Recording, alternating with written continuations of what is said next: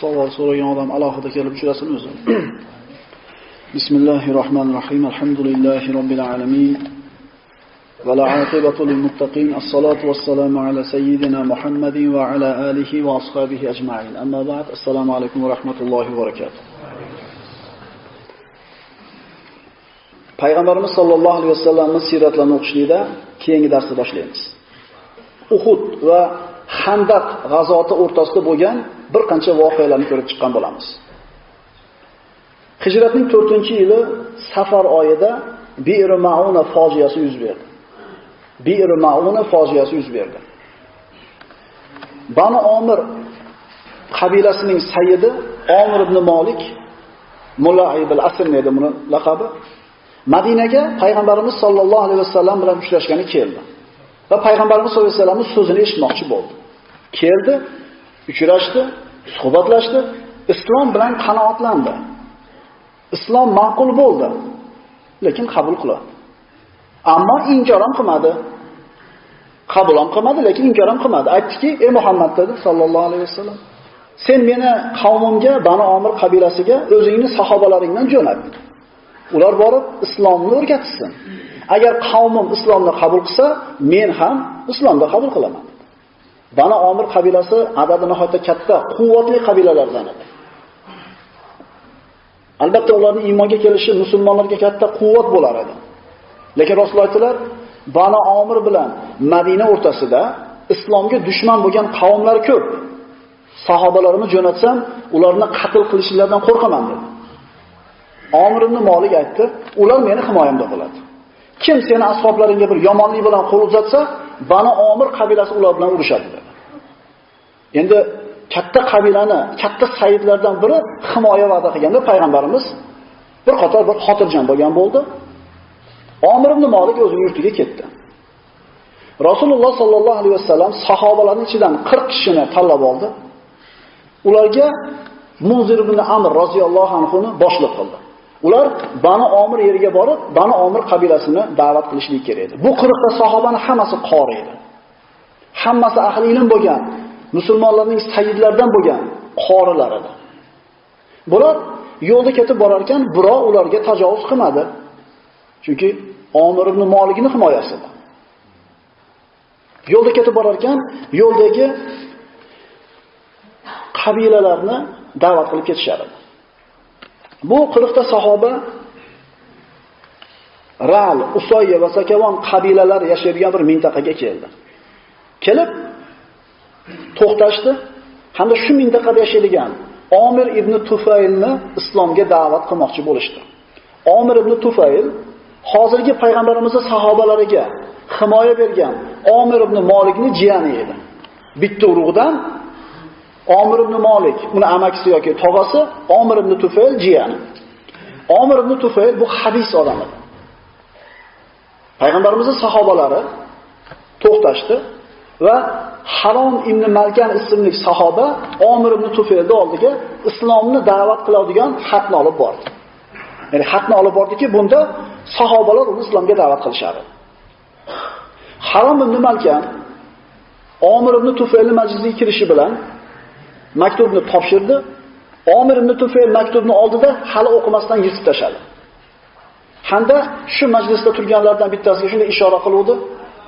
Harom ibn Malkani orqa tomondan nayza otdi, nayza belidan kirib qornidan chiqdi. Elchi qatl qilindi. Elchi qatl qilinmagan, hech yerda qatl qilinmaydi, lekin bu xiyonatkor mana shunday ishni qildi.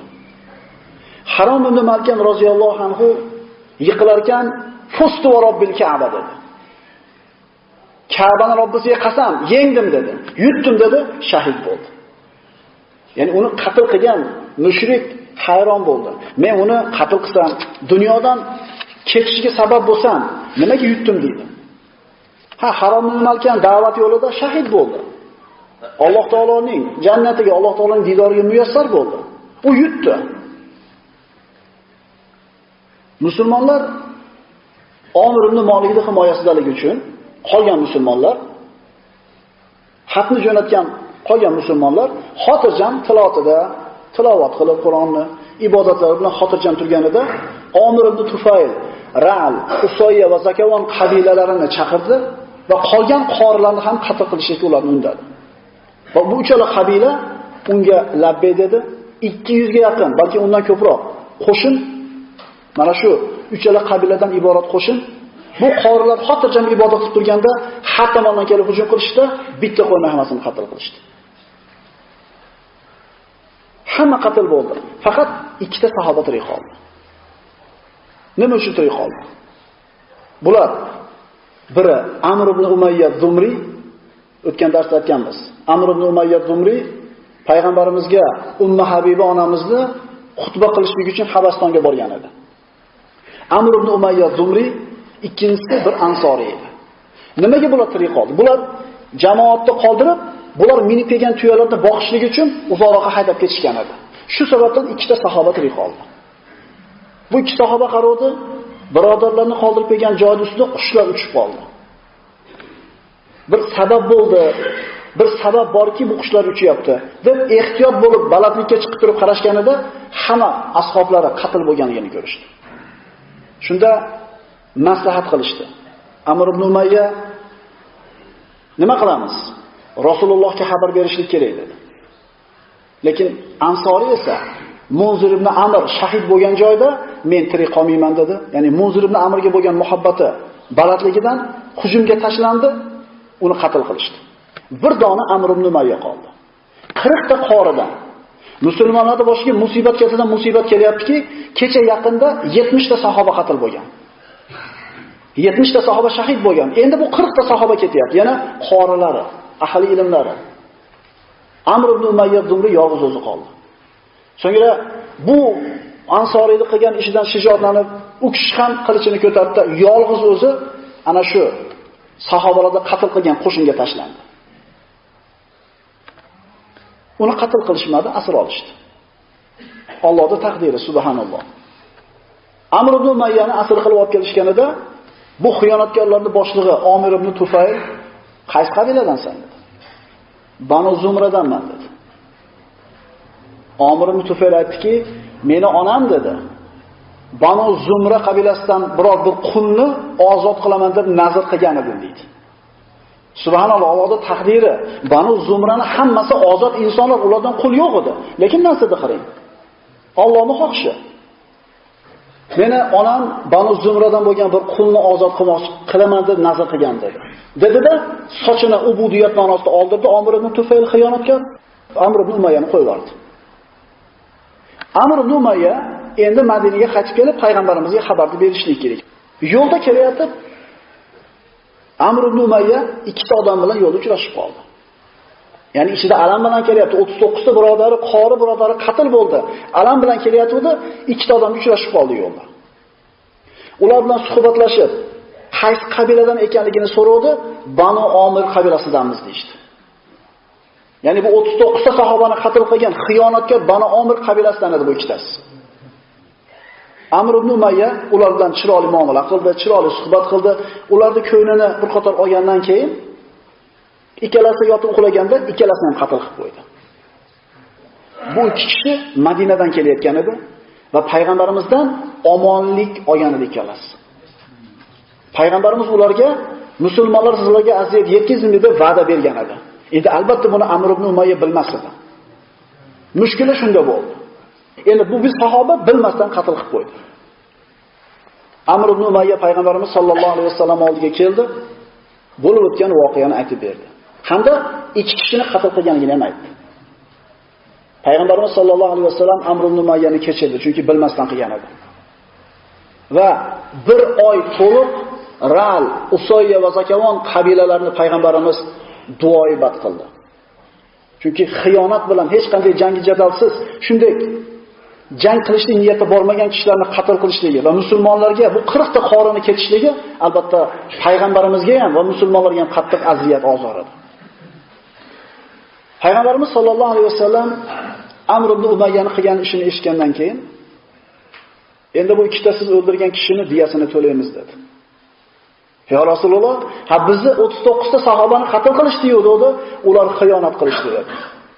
Biz bu kishiga bu ikki kishiga omonlik berganmiz. Biz xiyonatga xiyonat bilan javob bermaymiz dedi. Ya'ni Nabaviy axloqni ko'ringki, 39 ta sahobasini o'ldirgan xiyonatkorlarni ikkita odamini bilmasdan qatl qilib qo'ysa, diyasini to'laymiz dedi. Birinchi ketin keladi bu fojialar. Uhuddagi musibat. Birumauna fojiasi. Endi Ma'ur Roji. Ma'ur Roji fojiasi. Adil va Qora ikkita qabila. Adil va Qora. Bu ikkala qabila ham islomga dushman edi. Lekin adadlari oz, quvvatsiz bo'lganligi uchun Madinaga hujum qilishlikka jur'at qilisha olmas edi.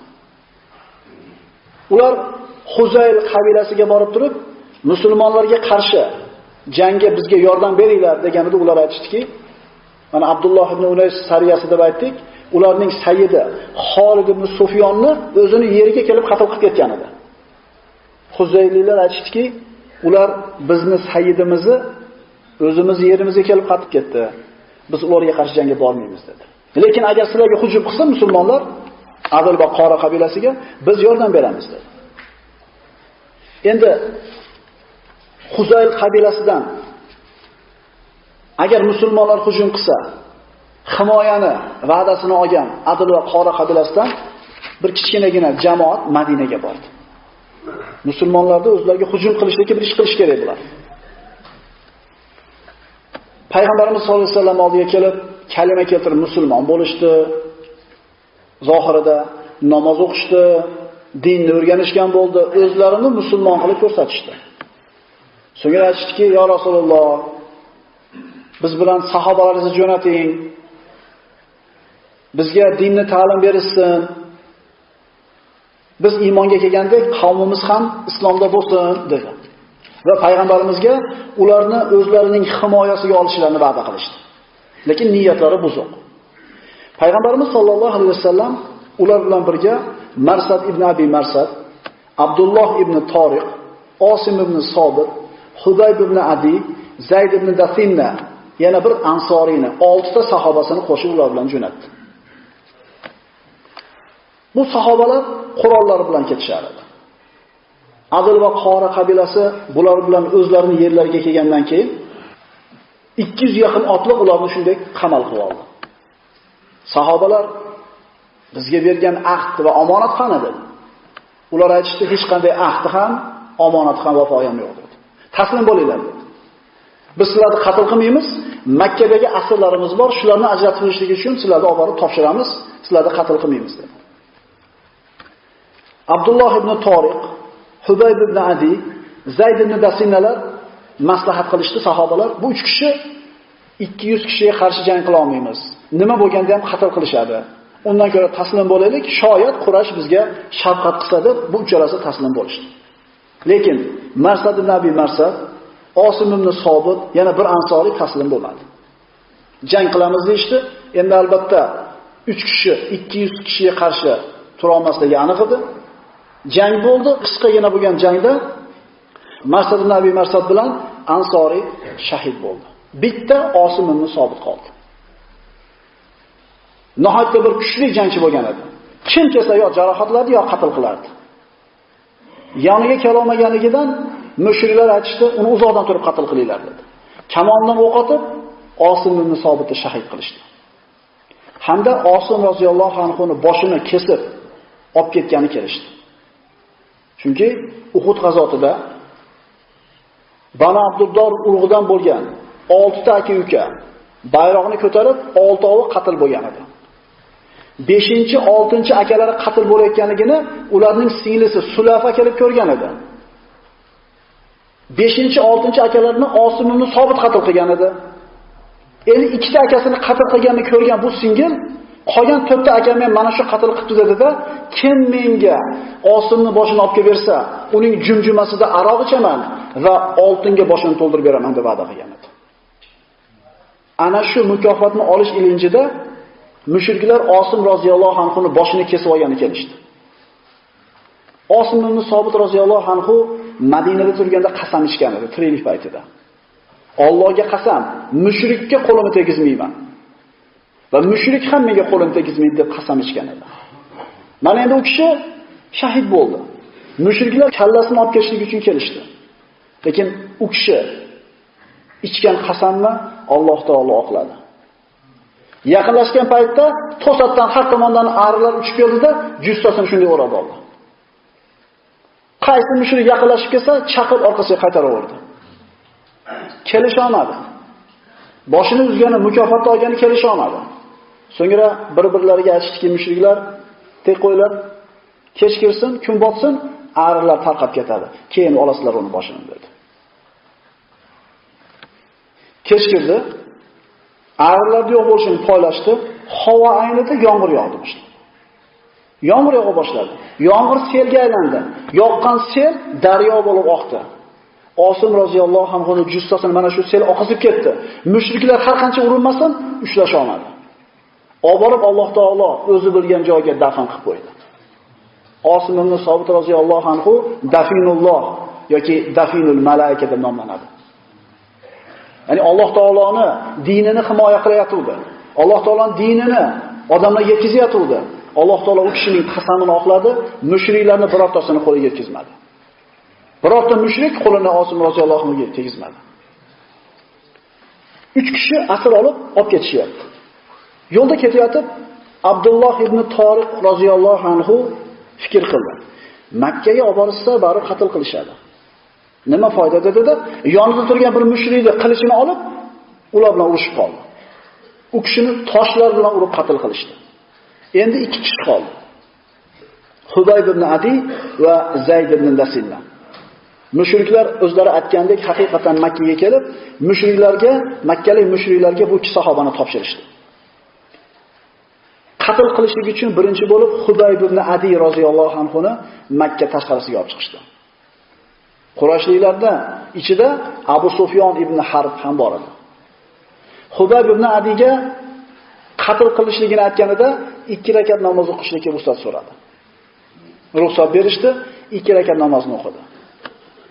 Namozini o'qib bo'lib aytdiki, agar sizlar o'limdan qo'rqqanidan namozini cho'zyapti deyishinglar bo'lmaganida, men namozni yana yana ham uzoqroq o'qirdim dedi. Oxirgi namozi hayotda edi. Hubayb ibn ali roziyallohu anhu namozni o'qidi va u kishini osib qo'yib azoblashdi. Tiriklayin jasadidan go'shtlarni kesib-kesib parcha-parcha qilib ajratishdi. U kishi sobit turar edi.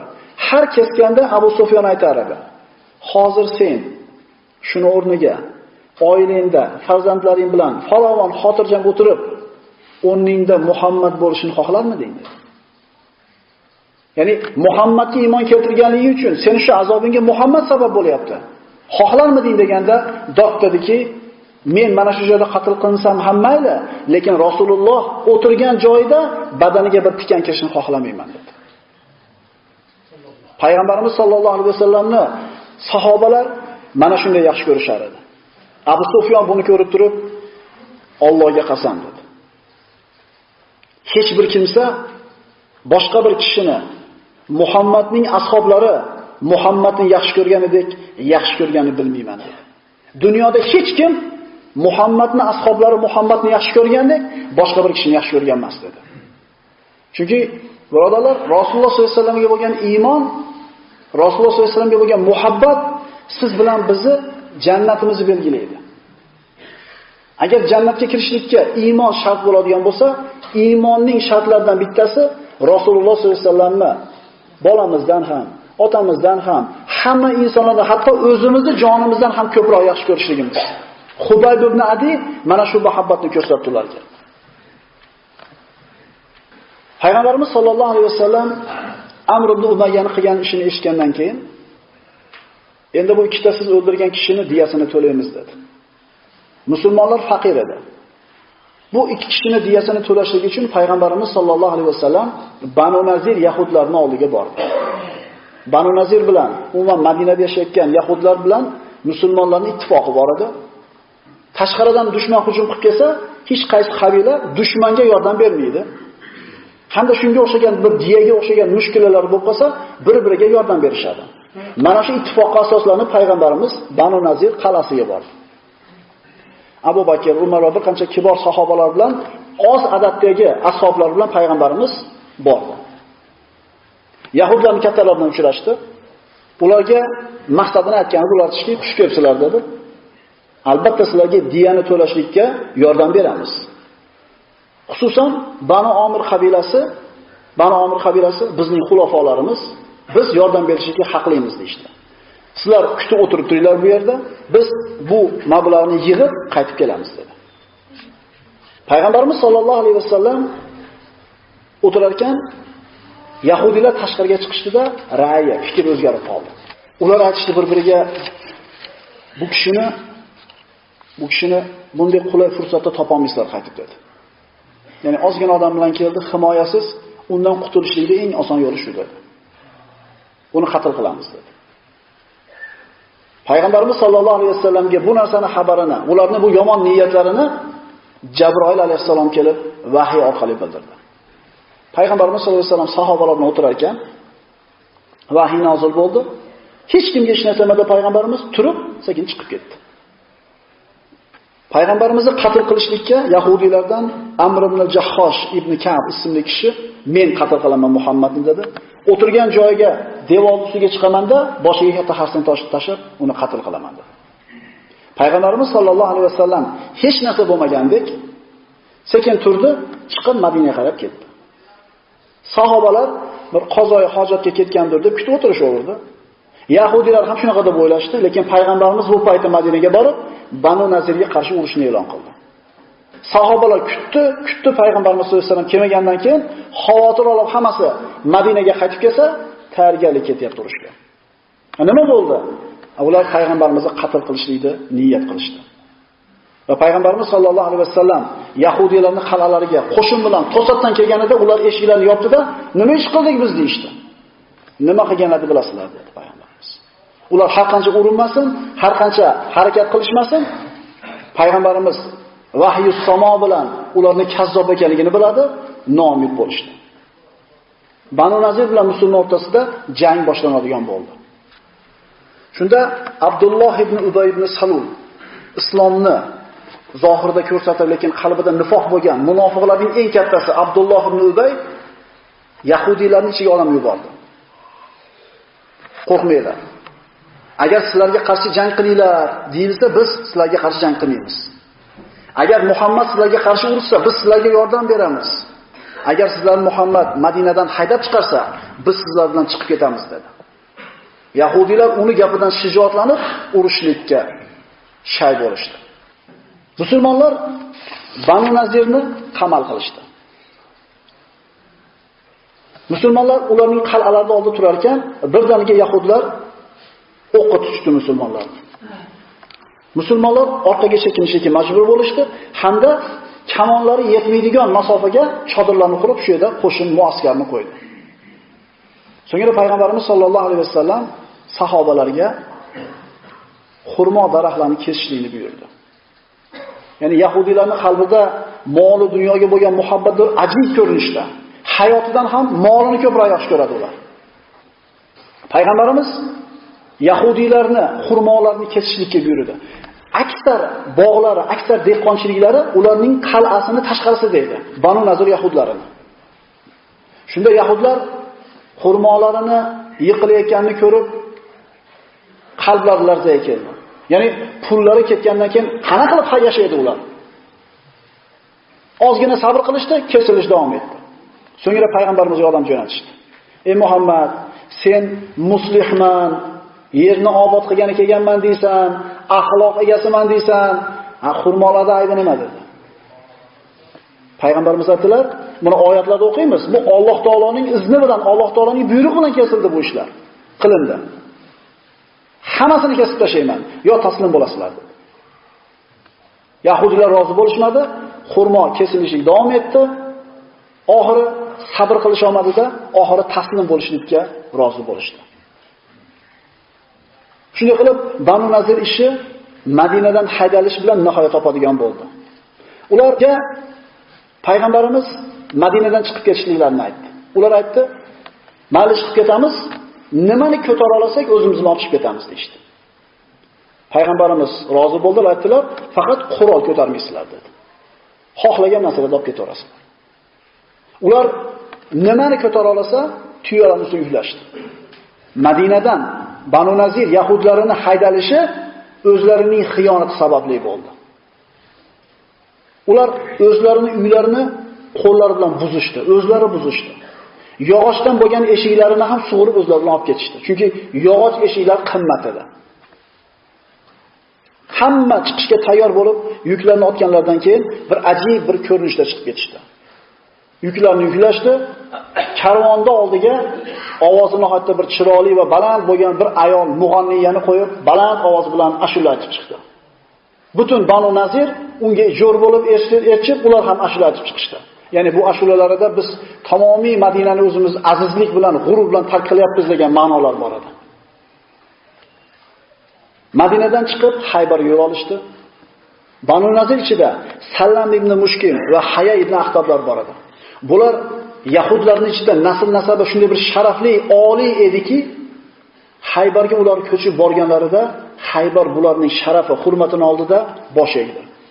Chunki bular Xorun va Musa alayhissalomning zurriyotlaridan edi. U yerga ko'chib borganiga qaramasdan hokimlarga aylanishdi. Aqulu qawli hada va astagfirulloh li va lakum. Subhan robbika robbil izzati amma yasifun va salamun alal mursalin alhamdulillahi robbil alamin.